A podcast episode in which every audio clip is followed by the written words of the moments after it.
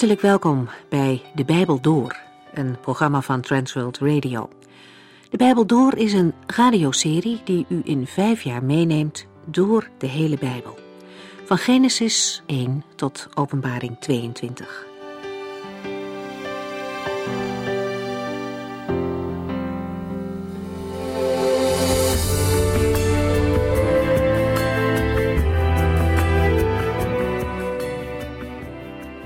We lezen zo dadelijk de psalmen 11 en 12, maar we beginnen met een korte terugblik op de vorige uitzending.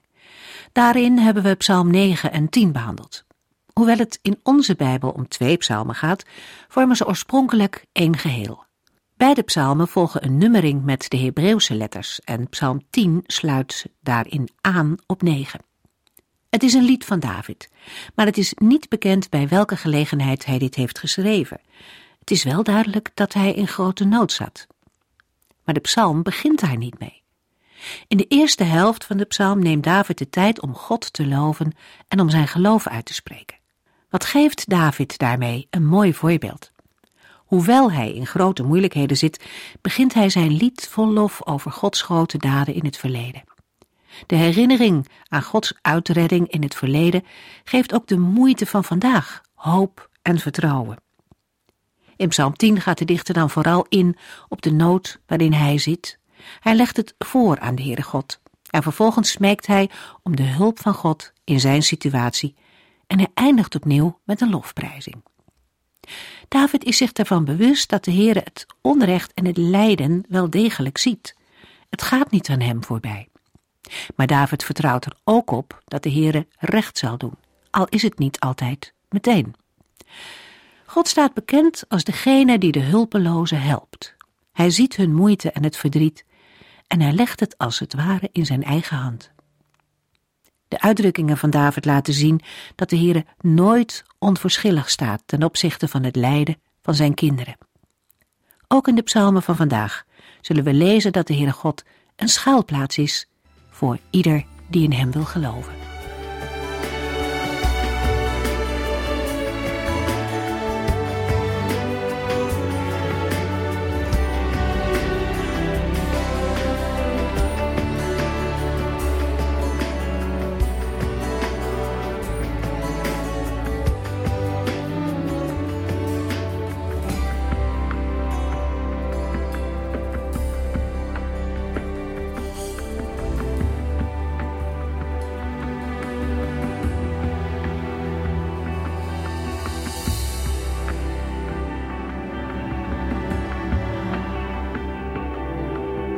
Psalm 11 begint met de beleidenis van David. Hij beleidt: Ik zoek mijn bescherming bij de Here. Daarmee geeft David de hoofdgedachte van zijn lied aan. In de eerste drie versen beschrijft hij de bedreiging door zijn vijanden. David geeft ook woorden aan de ontreddering in de samenleving. Omdat de goddelozen met hun pijlen de rechtvaardigen willen treffen, worden de fundamenten van de samenleving aangetast. In de versen 4 tot en met 7 spreekt David zijn vertrouwen uit in de Heere als de rechtvaardige rechter tussen oprechte mensen en slechte en gewelddadige mensen. De psalm eindigt met het vertrouwen dat de rechtvaardigen het aangezicht van de Heere zullen zien. Psalm 11 vers 1 Een psalm van David voor de koordirigent. Ik zoek mijn bescherming bij de Heere. Waarom zeggen jullie dan, vogel, zoek je schouwplaats in de bergen? Aan het begin van vers 1 vinden we de sumiere informatie van David voor de koordirigent. Voordat David nu de nood beschrijft, volgt eerst een getuigenis van zijn vertrouwen in de Heere. Het is mogelijk dat er vooraf een discussie heeft plaatsgevonden, waarbij onbekende raadgevers David het advies hebben gegeven zichzelf in veiligheid te brengen. Davids reactie daarop is dat hij bij de Here schuilt en daarom niet hoeft te vluchten. Een andere mogelijkheid is dat David het advies niet afwijst, maar klaagt dat hij door de vijanden tot die vlucht is gedwongen. Die klacht wordt dan in het volgende vers voortgezet en nader verklaard. Deze laatste mogelijkheid past het beste in het verband. David vraagt dan geen willekeurig ingrijpen van de Heere, maar een redding van de groep getrouwen en gelovigen, waar hij ook zelf toe behoort. Het nadeel van de eerste verklaring is dat alleen David aangespoord wordt en de raadgevers zelf achterblijven. In het licht van vers 2 moeten zij toch ook gevaar lopen. Immers, vers 2 beschrijft de problemen in de maatschappij, en dan is het voor iedereen toch beter om te vluchten. Vers 2 is ook geen argument om te blijven. Alleen het vertrouwen in de Heer is dat. Tegelijkertijd is het de vraag waarom vluchten verkeerd zou zijn. David heeft het vaak genoeg gedaan. Daarom is de tweede verklaring dat de dichter daadwerkelijk moest vluchten aannemelijker. De zinsnede zoek je schuilplaatsen in de bergen is mogelijk te verbinden met 1 Samuel 24 vers 2, waar we lezen: Na terugkeer van de strijd tegen de Filistijnen hoorde Saul dat David het onbergzame gebied van Engedi was ingetrokken. Davids raadgevers adviseren: zoek een veilig heenkomen. Wat je nodig hebt is rust. Maar David getuigt: ik zoek mijn bescherming bij de Heere. Het is zeker goed om in een drukke en jachtige wereld tijden van rust en bezinning te hebben. Het is ook goed om het drukke of eentonige leven eens te laten voor wat het is en op een rustige plaats te ontspannen. Maar als het een wegvluchten van problemen is, of van zaken waar je liever niet over wilt nadenken, dan is het geen goed advies. David vraagt aan zijn raadgevers: Waarom zeggen jullie dan: Vogel, zoek je schouwplaats in de bergen? De zin blijkt ook een spreekwoord of zegswijze te zijn. Voor vogels is een moeilijk bereikbaar nest of schuilplaats vaak de enige bescherming tegen gevaar. In de Bijbel wordt een gebied met bergen en spelonken ook door mensen als schuilplaats bij dreigend gevaar gebruikt. Het beeld van een opgejaagde vogel wordt in de Bijbel vaker gebruikt. Voor David is een vlucht nodig, omdat goddeloze mensen de ondergang van oprechte mensen beramen. Psalm 11, vers 2. Kijk zelf maar, de goddelozen leggen hun boog al aan de schouder en spannen de pijlen om de rechtvaardige te treffen. David gebruikt het beeld van de jacht. De boog van de goddeloze is al gespannen en de pijl ligt klaar om afgeschoten te worden. Er moet onmiddellijk worden gehandeld. Door er op deze manier over te spreken, wordt de ernst van de situatie onderstreept. Zelfs als de rechtvaardige moedig stand houdt, zal hij zich niet kunnen verdedigen tegen vijanden die in het donker schuilgaan of in een hinderlaag liggen. Het gevaar wordt nog verder uitgebeeld. De fundamenten van de samenleving zijn aan het scheuren. In Psalm 82, vers 5 wankelen de fundamenten van de aarde door het onrecht dat wordt begaan. Bij fundamenten of grondvesten kunnen we denken aan recht, gerechtigheid, trouw en waarheid, waarop een samenleving berust. Het beeld van een zeer groot acuut gevaar is duidelijk. Daarbij past de retorische vraag in vers 3. Als zo de bodem onder iemands voeten wordt weggehaald, wat kan een rechtvaardige dan zelf nog doen? Na de beschrijving van de nood wordt nu de blik op de Heerde gericht. Niet in een gebed, maar in een belijdenis. Psalm 11, vers 4. De Heere woont in zijn heilige tempel. De troon van de Heer is in de hemelen. Zijn ogen zien alles en beoordelen wat de mens doet. David beleidt wie de Heer is. Hij woont in zijn heilige tempel en zijn troon staat in de hemel. Vers 4 begint direct met de naam van God. Daarmee wordt een scherpe omslag in de psalm aangegeven. Opvallend is hoe de Heere wordt aangeduid. Eerst als Heere in zijn heilige tempel en dan als Heere in de hemelen. Zo beleidt David dat dezelfde God die in zijn heiligdom woont, de tabernakel of de tent in Jeruzalem, ook troont in de hemel. Vanaf zijn troon spreekt een koning recht. Daarmee introduceert David de Heere als rechter. David beleidt dat God naast het heiligdom in Israël ook de hemel als woning heeft. Vanuit die positie ziet en beoordeelt de Heere de individuele mensen op aarde. Daarmee zet David Gods heiligheid en zijn betrokkenheid met mensen naast elkaar. God kijkt niet leidzaam toe, maar beoordeelt en stelt mensen op de proef. Het Hebreeuwse woord dat voor beproeven wordt gebruikt, roept associaties op met het testen en zuiveren van metalen. Deze metafoor wordt verder uitgewerkt in vers 5. De Heere stelt de oprechte mens op de proef, maar hij haat slechte en gewelddadige mensen. De Heere beproeft alle mensen, en dat geldt ook voor de rechtvaardige mensen. Dat kan een pijnlijk proces zijn, maar net als bij het keuren van metalen is zuivering het doel. Maar dat valt in het niet bij Gods houding tegenover mensen die slecht en gewelddadig blijken te zijn. Ze worden door de Heere hardgrondig gehaat. Het Hebreeuwse woord voor haten is niet alleen een gemoedstoestand. Het woord omvat ook een handelen ten nadele van iemand. Het gaat hier om Gods sterke reactie op goddeloze daden. Andere Bijbelgedeelten maken duidelijk dat de Heere bekering wil en dan vergeving schenkt. Het straffen van de goddeloze heeft als doel dat iedereen tot besef zal komen dat boze en slechte daden worden vergolden. In Jeremia 25, vers 31 lezen we: De schreeuw van Gods vonnis zal tot in de verste uithoeken van de aarde te horen zijn, want de Heere heeft een rechtszaak aangespannen tegen alle volken. Over alle mensen zal hij vonnis vellen. Hij zal alle goddelozen vernietigen. Maar die dag is nog niet aangebroken. Ook vandaag is het nog genadetijd. God houdt zoveel van u en jou dat hij zijn zoon voor u liet sterven aan een kruis.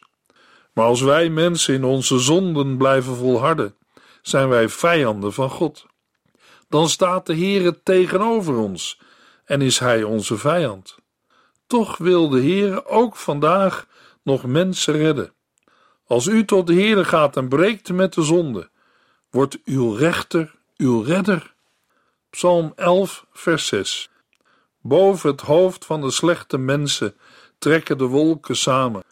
Vuur en zwavel hagelen op hen neer, en een schroeiend hete wind wordt hun deel. Over de goddeloze mensen stort de Heer een verwoestende regen van vuur en zwavel uit. Met vuur en zwavel laat de dichter zien dat de Heere de goddeloze in het lot van Sodom en Gomorra laat delen. De zonde en de daaropvolgende straf van Sodom en Gomorra worden in de hele Bijbel als voorbeeld aangehaald. Vooral in Openbaring 14, vers 10 worden de elementen vuur en zwavel en de beker van Gods toorn gecombineerd. In het Oude Oosten staat de beker vaak symbool voor datgene wat de mens toebedeeld wordt. In Israël zijn verschroeiende woestijnwinden maar al te goed bekend. Rond april, mei treedt bijvoorbeeld de Sarab op. Tijdens deze periode daalt de luchtvochtigheid tot abnormale waarden en stijgt de temperatuur tot boven de 40 graden Celsius. Fijn woestijnzand uit de Arabische woestijnen hangt in de lucht, waardoor de zon soms moeilijk te zien is. Deze omstandigheden veroorzaken hoofdpijnen en slapeloosheid en maken iedere vorm van werken moeizaam. Later in het jaar kan de Sirocco opspelen. Deze stormperiode voert zand uit de Sahara mee en kent vergelijkbare verschijnselen als de Sarab.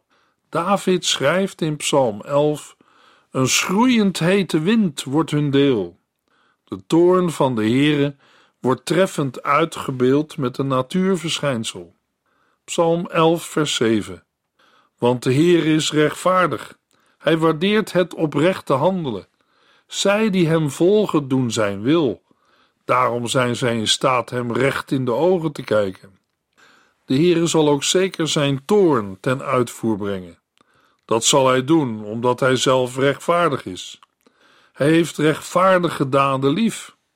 David sluit af met de belijdenis dat de oprechte het aangezicht van de Heere zal zien, of, met andere woorden, hem recht in de ogen kunnen kijken.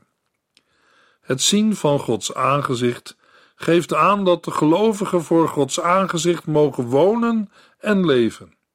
In het slot van Psalm 17 schrijft David: Ik wil rechtvaardig blijven en u altijd kunnen aanzien.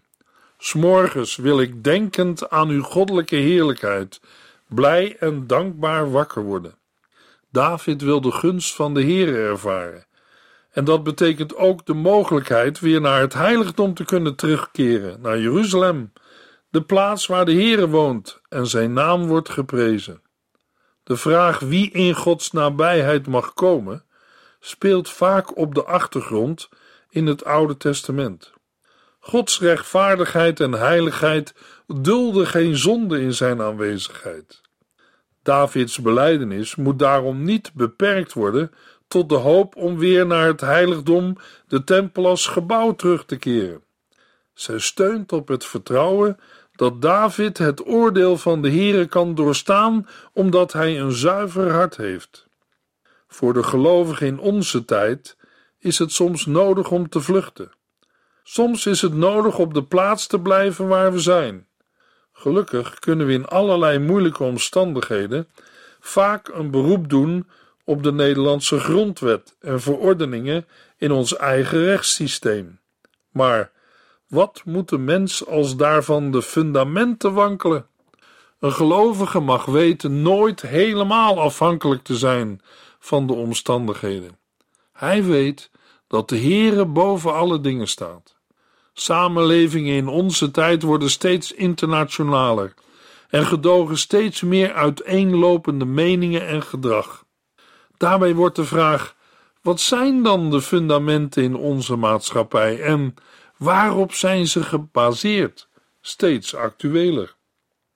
Wat moet de houding zijn van christenen tegenover een pluriforme maatschappij? Wat vraagt de Heere? En hoe kunnen christenen bijdragen aan een rechtvaardige samenleving?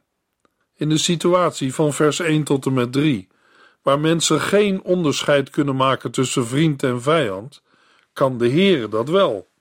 Hij ziet datgene wat verborgen is en beloont de oprechte en rechtvaardige mensen, terwijl de goddelozen en liefhebbers van geweld ten onder gaan. De dichter sluit af met de belofte dat oprechte mensen God zullen zien. Woorden die Jezus ook aanhaalt in Matthäus 5, vers 8. Het herstel van de gemeenschap met God heeft te maken met een oprecht en zuiver hart. Psalm 12, vers 1 en 2. Een psalm van David voor de koordirigent, te zingen op de wijze van de achtste. Heere, help ons. Gelovigen zijn er niet meer te vinden. Het begrip trouw zegt de mensen niets meer. Psalm 12 sluit in thematiek aan bij de voorgaande psalm. David klaagt over de toestand van het volk. De trouwe en gelovige mensen hebben hun invloed verloren en hun aantal wordt steeds kleiner. De dichter beklaagt zich over leugens, intriges en dubbelhartigheid. De mensen die op deze wijze manipuleren, hebben dermate veel succes dat zij een ongekend zelfvertrouwen tentoonspreiden. Maar tegenover hun troebele woord staat het zuivere woord van de Heere. Hierop kan worden gebouwd. De psalm sluit af met een gebed om bescherming. Psalm 12 is opgebouwd uit twee delen die ieder uit twee strofen bestaan. Het eerste deel bestaat uit de versen 2 en 3 en 4 en 5. Het tweede uit de versen 6 en 7 en 8 en 9. Het centrum van de psalm is vers 6. Het enige vers waarin de Heer aan het woord is. Deze opbouw benadrukt de tegenstelling in Psalm 12. Aan de ene kant de onbetrouwbaarheid van mensen, met aan de andere kant de betrouwbaarheid van de Heer. Wie in de tijd van David naar een aanleiding zoekt waarin dit lied is ontstaan, komt, net als bij Psalm 11, uit in de tijd van Saul, of denkt aan de periode waarin Absalom naar de macht greep. Onder het actieve koningschap van David zal de situatie niet zo erg zijn geweest als in Psalm 12 wordt beschreven. Ook Psalm 12 wordt toegeschreven aan David en is opgedragen aan de koordirigent. Het lied moet op de wijze van de achtste worden gespeeld, waarschijnlijk een aanduiding voor de laagste octaaf. In andere Bijbelvertalingen wordt met de aanduiding de achtste verwezen naar een achtsnarig instrument. De term komt naast Psalm 6, vers 1 ook voor in 1 Kronieken 15, vers 21. In 1 Kronieken 15, vers 20 en 21 wordt gesproken over hooggestemde harpen en citers die acht tonen lager worden gestemd. Het gaat bij de woorden de achtste waarschijnlijk om een muzikale aanduiding en niet om de naam van een instrument. Als er hooggestemde harpen zijn en deze aanduiding de verhoogde speelwijze aanduidt, ligt het voor de hand dat de andere aanduiding, de achtste, een lage speelwijze aanduidt, de lage octaaf of bas. De laatste interpretatie is het meest waarschijnlijk. Begeleiding met een basinstrument past ook goed bij het thema van Psalm 12. Psalm 12, vers 3 tot en met 5. Men is oneerlijk tegen elkaar, spreekt met dubbele tong en bedriegt de ander. Vernietig dat soort mensen maar, heren, ieder die zo handelt. Al die mensen die zeggen: Ik praat me overal uit, laat mij het maar zeggen, wie doet me wat? De psalm begon met een krachtige uitroep. De dichter riep God op om te redden. Wat David precies vraagt en voor wie, blijft nu nog onduidelijk. Maar dat zal hierna onder woorden worden gebracht in vers 6. De situatie die tot deze kreet dringt, is wel duidelijk. Er zijn bijna geen gelovige en betrouwbare mensen meer onder het volk te vinden. Opvallend is dat de dichter dit op de hele mensheid betrekt. Voor het woord mensen in onze vertaling staat in de Hebreeuwse grondtekst alle kinderen van Adam. Terwijl David vooral zijn eigen omgeving bedoelt, in plaats van vriendelijkheid en trouw te zijn, liegen de mensen tegen elkaar. Mensen praten elkaar naar de mond en doen zich anders voor dan ze zijn. David roept de Heer op dat soort mensen die spreken met dubbele tong te vernietigen. Daarbij gaat het om de mensen die door sluwheid en vlot gepraat zich overal denken uit te praten. Zij menen anderen te kunnen overheersen. Mogelijk dat onderdrukkers deze woorden niet letterlijk hebben uitgesproken, maar wel dat hun spreken en optreden hier feitelijk op neerkwam. Christenen moeten de waarheid spreken, zeker in onze dagen. Zij moeten niet met dubbele tong spreken en geen twee gezichten hebben. David ageert tegen de mensen die maar zeggen waar ze zin in hebben. Deze dingen gaan ook de gemeente van Christus, de kerk, niet voorbij.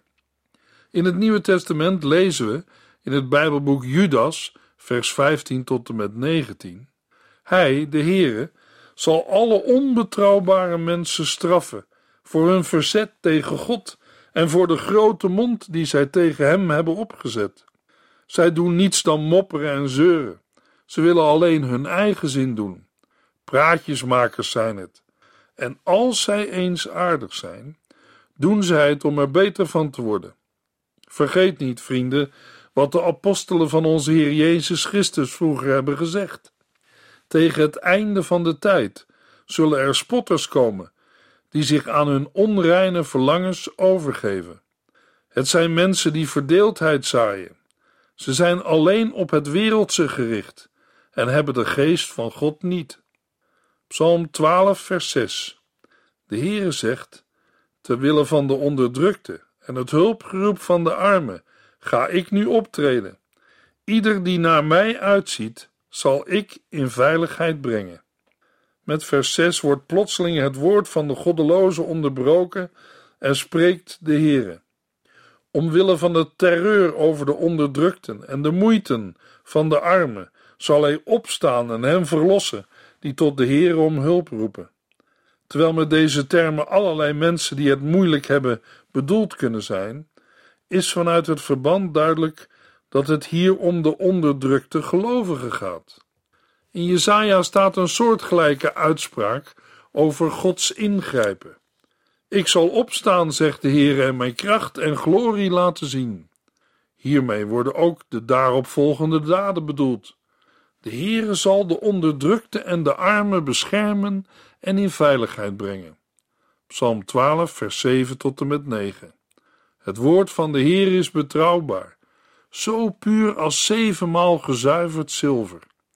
Ik weet, heren, dat u uw woord altijd nakomt en dat u ons zult beschermen tegen deze onbetrouwbare mensen. De ongelovigen schijnen de overhand te hebben en het lijkt wel of alle mensen God ongehoorzaam zijn. In tegenstelling tot de woorden van de eerder genoemde onbetrouwbare mensen, is het woord van God volkomen zuiver. David vergelijkt het met zevenmaal gezuiverd zilver. In vers 8 spreekt David zijn vertrouwen op de Heer uit. De Heere zal de gelovigen beschermen. Daartoe rekent David ook zichzelf, wat uitkomt in de woorden: U zult ons beschermen. Toch is daarmee de dreigende situatie niet direct beëindigd. De bescherming van de Heere vindt plaats in de context waarin ongelovigen de overhand schijnen te hebben. En het lijkt of alle mensen God ongehoorzaam zijn. Deze psalm benoemt het probleem van oneerlijkheid. David ziet steeds minder mensen die te vertrouwen zijn.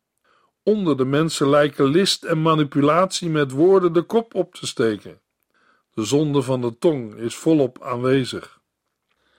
De wijze waarop David God aanroept, doet denken aan Elia's wanhoop in 1 Koningen 19 vers 14. Er lijken geen mensen meer te zijn die geloven. Alleen ik ben nog over, zegt Elia. En nu willen ze mij ook doden. Het bijzondere van Psalm 12 is dat God direct antwoord geeft. De zwakke en verdrukte gaat hem aan het hart en daarom zal hij in actie komen en hen redden. Wat God zegt, zal hij ook doen. Paulus geeft later in Romeinen 8, vers 31: Als God aan onze kant staat, wie kan dan tegen ons zijn? Bij de Here is bescherming te vinden, ook vandaag. In de volgende uitzending lezen we Psalm 13 tot en met 15.